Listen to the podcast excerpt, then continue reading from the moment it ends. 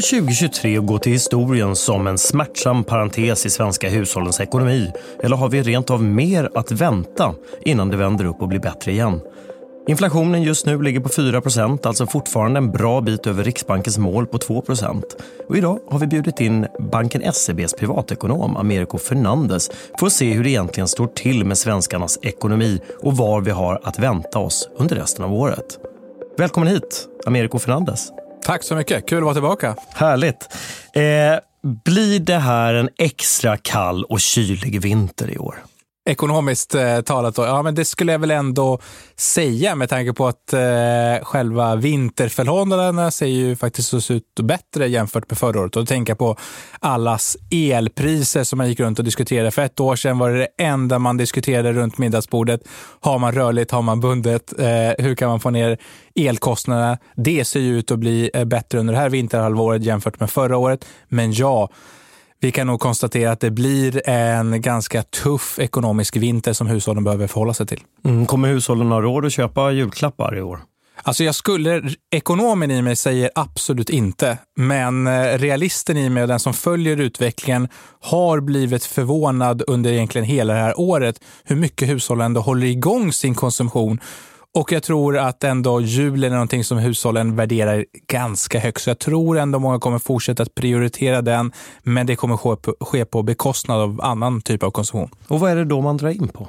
Ja, det första jag skulle säga att i en lågkonjunktur som vi ändå befinner oss i, det vill säga när ekonomin går lite långsammare, kugghjulen snurrar lite långsammare, eh, så är det, drar man ner på sådana som kallas lite lyxkonsumtion. Och då tänker man ju direkt, men dyra kläder, klockor, bilar, framförallt då tjänster, alltså resor och restaurangbesök. Och men när vi tittar på vad man konsumerar, vad är det man konsumerar? Jo, Eh, det är liksom höstlovet eh, eh, är fullbokat, Sommaren reste människor som aldrig förr. Restaurangerna är fullbokade, kaféer och så vidare. Så vi konsumerar ju tjänster Eh, konstigt nog. Det är framförallt för att vi har ett uppdämt behov av att konsumera tjänster. Det vi inte kunde göra under pandemin, det är det vi värderar. Medan andra typer av varor, kanske soffor, lite heminredning kanske ligger i farans riktning. Renoveringar och så vidare ligger också på farans riktning. Sånt man drar ner på. Men har svenskarna råd att fortsätta konsumera så som de har gjort hittills? Ja, men det är en jättebra fråga och det är någonting som jag tänker kopiöst mycket på. Jag får inte riktigt ihop det, men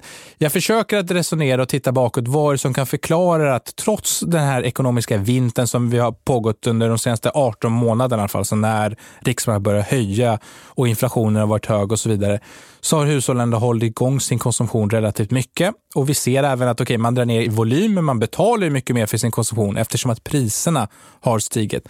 Vad beror det här på? Jo, men som jag nämnde under pandemin, jag vet att alla, disclaimer, alla är otroligt trötta på att prata om pandemin. Men det är fortfarande det som ligger kvar i effekten, det vill säga att vi kunde inte konsumera, vi översparade. Riksbanken konstaterade bara för några veckor sedan i en rapport att vi har, vi har ett överskottssparande på ungefär 120 miljarder kronor inom hushållssektorn. Fortfarande? Fortfarande, som man, eh, eller kanske inte fortfarande, men det var det man konstaterade att under de här pandemiåren så byggde man upp ett överskottssparande på 120 miljarder kronor. Och då är frågan, okej, okay, det är de här pengarna man tar av för att hålla igång den här konsumtionen. Och nu kvarstår egentligen bara frågan, när tar de här pengarna slut? Vad är din gissning? Min gissning är att överskottssparandet tar slut vid årsskiftet. Och hur kommer jag fram till den eh, härliga siffran eller eh, nyheten om man så, så. Det är att okay, om det är 120 miljarder kronor i ett överskottssparande. Det betyder inte allt buffertsparande utan det är det man sparat mer än vanliga tider. Och eh, så tänker jag eh, en barnfamilj, vi pratar ofta om en utgiftssmäll för de här två åren, alltså 2022 och 2023 på ungefär 100 000 kronor för de här eh, två åren. För och det är ökade räntekostnader, elpriser, elpriser drivmedel, matpriser och så vidare. Allt det där kastas in, 100 000 kronor. Det finns 1,2 miljoner barnfamiljer med barn under 18 år. Väldigt slarvigt räknat tog de 1,2 miljonerna gånger de här 100 000, vips så är det 120 miljarder kronor. Sen säger det här ingenting om hur de här pengarna fördelas såklart, men en grov uppskattning runt årsskiftet.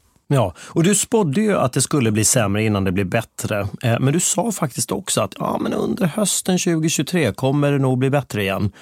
Vad säger, du om den spaningen? Ja, vad säger du om den spaningen i, idag? Jag glömmer bort att allt det här dokumenteras i all evighet. Ja, men det blir jättebra. Så här, ja, jag tror vi fortfarande befinner oss i, eh, i den här situationen att det kommer fortfarande bli värre innan det blir bättre. Och vad menar jag med det? Det är inte nödvändigtvis att den här förändringen att man ska ställa in sig på att Riksbanken kommer höja tre, fyra, fem gånger till eller att inflationen kommer fortsätta i väldigt höga siffror. Nej, utan vi har väl kanske nått en platå, både när det kommer till räntor och priser. Eh, och även om inflationen faller, eh, det vill säga den, eh, det, priserna stiger varje månad fortfarande, men inflationstakten faller, vilket ändå betyder att de höga priserna de är ändå här för att stanna. Så den här urgröpta köpkraften och de här sakerna vi går ut i stan och vi ska betala vårt bolån eller restaurangbesöket, de sakerna är nästan permanent dyra. Och det är först när vi, lönerna börjar hinna ikapp de här prisökningarna som vi faktiskt känner oss och upplever oss och faktiskt är rikare. Och, och när kommer den punkten tillbaka då? Okej, om vi, vi står idag, vi fick ju eh, i dagarna då eh, beskedet om eh, inflationen eh, som visar på att okay, den har kommit ner runt 4% Vi trodde ändå att den kanske skulle komma ner lite mer än det, men det är fortfarande rätt eh, takt neråt. Så som vår prognos ser ut så tror vi ändå att vi, inflationen kommer hamna runt inflationsmålet, det vill säga 2% under nästa år. Säg halvårsskiftet nästa år eller mot hösten och då borde då det lugna ner det mesta i ekonomin. Men då måste ju lönerörelsen hinna ikapp, för vi har ett par år bakom oss med väldigt hög inflation. Så det kanske inte räcker med nästa års löneökning. Eller kanske man ska rikta in sig, sikta in sig på 2025 innan den här köpkraften, det vill säga att lönen i slutet av varje månad räcker till fler varor och tjänster. Det kommer komma kanske först 2025. Så vi har en bit kvar? Ja. Vi har ju idag då en styrränta på 4% snittränta, nya bolån 4,5. Ja, lite drygt skulle jag säga. Kanske mellan 4,5 och 4,7 för att inte vara exakt i decimalerna. Men eh, ja, toppen ja. skulle jag kanske se någonstans strax över 5% Egentligen oavsett om Riksbanken höjer en gång till eller stannar just nu från den här nivån. Klarar hushållen av den här nivån då? Jag tror att man klarar av det. Eh, även om många där ute känner att det här känns otroligt tufft, vilket det är klart att det är tufft om det bara på 18 månader gått från låt oss säga 1,5 procent i bolåneränta till snart 5 procent. Det är ju så här never seen before i modern tid och det påverkar ju många hushåll. Men vad är det sista man drar in på som hushåll? Jo, man, man lämnar inte hus och hem. Man betalar sina räntor, amorteringar och så vidare. Däremot måste ju annan konsumtion att, att prioriteras ner och det är det jag tror vi kommer se under det här vinterhalvåret eller kanske våren 2024 inte minst. Ja, och när vi ändå pratar om hushållen här då så är ju bostadspriserna en källa till oro för många också. Och det gäller ju vare sig de går upp eller ner egentligen då. Men senaste tiden så har ju ändå kurvorna pekat neråt. Kommer den trenden att fortsätta? Jag tror så här, eh, det finns alltid en, en, en kortsiktig och en lite längre långsiktig bild av bostadsmarknaden och jag tycker att den kortsiktiga är lite mer osäker. Den långsiktiga tycker jag är väldigt eh, entydig vad den är på väg och jag kan ta dem väldigt snabbt båda två. Den kortsiktiga, det handlar ju mer om vår förväntansbild här just nu. Hur mycket jobbigare kommer det här bli? Och nu står vi ändå inför en situation där den här platån, så vi kommer behöva leva med de här högre kostnaderna, högre räntorna under en längre tid än vi kanske förväntar oss. Vi ser att eh, de här långa räntorna, så när USA börjar stöka till det så stiger även de långa marknadsräntorna, det vill säga det finns en, en högre förväntansbild där ute att ränteläget kommer vara högt lite längre. Det där skapar lite turbulens på börsen, vilket också är viktigt för vad bostadspriser kan på väg, på väg på kort sikt. Så det mesta skulle jag säga i det korta perspektivet talar fortfarande för en nedåtpress på bostadsmarknaden. Jag pratar inte om 5-10 procent ner, utan ett par enstaka, säg 3, 4, 5 procent under det här närmaste halvåret innan vi kanske på riktigt kan säga att vi är på botten.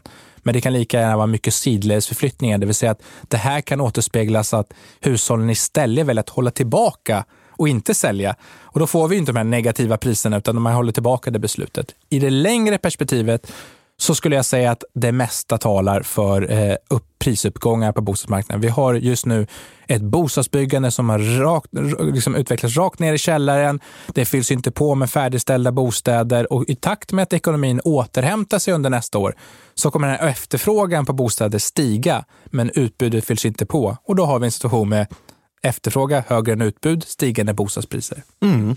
Eh, hushållens skuldsättning är ju hög också. Våra svenska hushåll är ju bland de mest skuldsatta egentligen i hela Europa.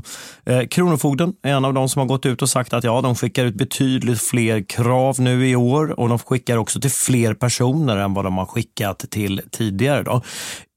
Är den här trenden med ökad överskuldsättning, är den här för att stanna? Kommer vi få fortsätta se de här siffrorna?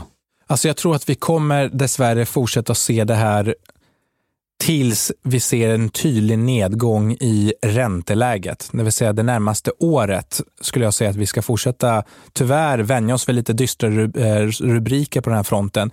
Liksom, det är oftast the usual suspects när det kommer till vilka grupper vi pratar om. Det är äldre och det är yngre, men jag vill också flagga för en, en riskgrupp som skulle kunna växa sig större och det är då eh, unga, låt oss säga 25 till 35 år, högt belånade med sina bostäder, kanske är vana vid ett helt annat ränteläge, ett helt annan situation och man märker att man kanske har belånat sig lite för mycket och kan komma efter med nya saker. Framförallt när vi har det här riskmomentet med arbetsmarknaden som har varit superstark hittills. Men man vet ju inte. Var det här ränteläget så kommer det till slut påverka företag i en större omfattning och då riskerar man att säga upp människor och då finns ju unga framförallt i den riskgruppen att man drabbas av arbetslöshet. Och vad har du för tips till dem då? Ja, men där handlar det om att inte eh, framförallt sticka huvudet ner i sanden och bara vänta på, på att det ska ske, utan här handlar det om att skapa utrymmet just nu. Och Vi ser att många unga har viktat om till exempel från liksom sina börsplaceringar mer till konto.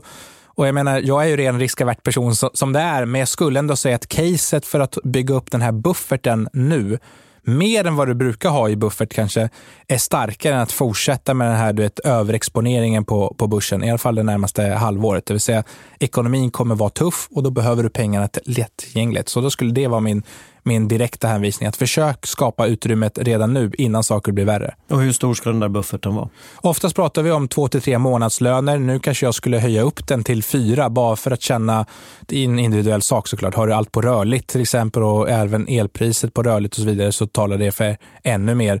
Men så mycket så att du känner att du kan eh, klara av den här de här extrautgifterna som väntas komma under vintern. Så jag skulle säga, säg fyra mm. under den här perioden. Hushållen har ju också eh, haft bundna räntor under en tid eh, och de där går ju ut med tiden. Eh, hur stor del av hushållen har idag det här mer dyrare ränteläget bedömer du? Jag skulle säga att bland nya lån, det beror på lite vad man tittar, SCB, Statistiska centralbyrån, pratar ofta om liksom sju sex av tio, sju av tio skuldkronor av de nya, de nya skuldsättningskronorna som är helt rörligt. Går du på specifika banker så kanske nio av tio av alla lån som läggs upp på rörligt, så man känner av det här mycket mer. Nu börjar det komma tillbaka lite en diskussion om att det är dags att binda och så vidare. Jag kan tycka att binda på tre, fyra, fem år är fortfarande lite för högt i mina ögon om man ska tänka på det långsiktiga perspektivet, vad räntorna kan ta vägen. Eh, ett år, ah, nästan inte värt det, för då blir det faktiskt nästan lika dyrt som en, en rörlig och vi tror ändå att vi är nära toppen. Eh, så snarare kanske två, tre år. Och, men då ska man inte primärt se det här som ett prisargument. Okay, och jag ska ta dem för att det blir så mycket billigare varje månad. Det kommer bli billigare, men inte, inte, vi pratar inte 50 procent billigare i, i, i kostnader. Framförallt ska man se det för att okay, jag tolererar inga mer räntesvängningar från den här stunden och framåt. För vi vet inte om inflationen håller sig kvar på lite högre nivå och Riksbanken kanske måste vända och säga att ja, men vi tar en eller två höjningar till. Eh, nu tror vi inte det i första scenariot, men det kan hända. Nej, vad är din gissning? Kommer, ja, hur mycket mer kommer Riksbanken att höja räntan? Vi tror ändå att, att, eh, att eh, man kommer stå kvar på den här 4 procenten. Här är det liksom 50-50 mellan bankerna vad man tror med ytterligare en höjning eller stanna kvar. Och just nu fick vi den här inflationssiffran som kanske mer talar för ytterligare en höjning. Men det finns fortfarande en viktig inflationssiffra kvar i mitten av november innan beslutet presenteras i slutet av november. Så skulle den komma in som den gör nu, då talar det för kanske ytterligare en höjning. Men så som det ser ut just nu så tror vi ändå att vi stannar kvar på 4 Och även om det blir en, en en, liksom en liten höjning till så är det inte, det är inte den här gigantiska räntestormen. Det liksom ligger bakom hushållen. Och det ger, pratar vi på ett bolån, eh, så pratar vi på en, varje miljon i bolån så pratar vi om kanske 200 kronor i extra räntekostnad. Mm. Hur, hur, mycket påverkas Riksbanken av de här siffrorna? Har man redan bestämt sig egentligen? Eller, oh, eller I wish I knew. Alltså. Nej, men, jag, jag, tror att eh, så som kommunikationen har varit från Riksbanken så är det ju okay, väldigt datastyrt just nu. Vi inväntar data, säger man från Thedéens eh, sida hela tiden. och Därför är det viktigt att avvakta nästa inflationssiffra som kommer i mitten av november. Då har man två datapunkter till eh, och se vad det här kan ta vägen. Men man har ju också varit tydlig med att man har väldigt låg tolerans för hög inflation. Så skulle man få till bakslag här så talar mycket för att de kanske kan vända sig och säga att Nej, men nu går vi och höjer en gång till mm. och håller kvar den ännu längre. Mm. Eh, låt oss fortsätta lite till på spåret med inflationen här. För att inflationen i våra grannländer, både Danmark och Norge, har ju faktiskt vänt snabbare neråt under den senaste tiden. Norge ligger inflationen på 3,3 och i Danmark är den nere på, ja, på 0,9. Eh, varför har vi i Sverige så mycket högre inflation? Det är en jättebra fråga. Hur ska vi försöka svara på den här eh, lättbegripligt? Ja, det finns ett par saker. Man kan väl säga att det finns en tidsaspekt, det vill säga att de här länderna började med sina räntehöjningar tidigare än vad vi gjorde, så det fick en snabbare effekt på inflationen. Det kan vara en energimix också, som gör att vi är mer exponerade för högre energipriser än vad, många, än vad de andra länderna är. Och sist men inte minst, danska kronan till exempel, den är ju kopplad till euron, så de är ju mer sammankopplade där. Medan vi har en liten öppen, precis som norrmännen, en svag valuta som har påverkats och straffats rejält under de här senaste året. Det vill säga att vi importerar väldigt mycket inflation. Och även om vi är jätteduktiga och konsumerar du vet, närodlat och så vidare så kan nästan alla de här varorna antingen ha en insatsvara som man importerar från ett annat land och de måste betala en annan valuta. Eller så har de som producerar det hemma i Sverige, de har valet att antingen sälja till oss svenskar eller sälja på kontinenten till högre priser och då driver det upp priserna även här hemma. Mm. Eh, ett begrepp som har börjat komma här är också personlig inflation. Ja. Kan du berätta lite mer om det? Oj, det är väl nog att sammansättningen, så som jag har tolkat det, sammansättning i din egna ekonomi. Att men du kanske har en väldigt stor matkasse med exotiska frukter, I don't know vad du kan ha, och då är du liksom, har en större inflationseffekt. Eller om du har eh, till exempel väldigt tung konsumtion i sånt som du importerar så har du ju eh, en högre liksom, inflationseffekt. Eh, så har jag tolkat det. Vad har din bild av det? Ja, tanken är väl att vi kan egentligen påverka vår egen upplevda inflation genom att köpa billigare. Eh, vi köper mer falukorv än hummer mm. Eh, och på det sättet så får vi våra det, egna det pengar. Liksom. Det är de två alternativen ja. som finns egentligen. Väl det. Eh, så på det sättet så kan vi egentligen bli mer, mindre sårbara egentligen för, för eh, inflationen. Då egentligen. Eh, men, men, inflationen är ju trots allt på väg ner. Eh, är det bara positivt? Det är ju positivt, skulle jag säga. Det är mestadels positivt. Eh, om vi säger nio av tio eh, anledningar. För att det där är bra för att då innebär det att ingen ökad press på räntehöjningar. Det blir mer stabilitet för företagen. De vet att okay, priserna kommer inte behöva stiga, kostnaderna kommer inte behöva stiga. Vi kan planera och anställa på det här sättet. Det blir anställningstrygghet för, för många.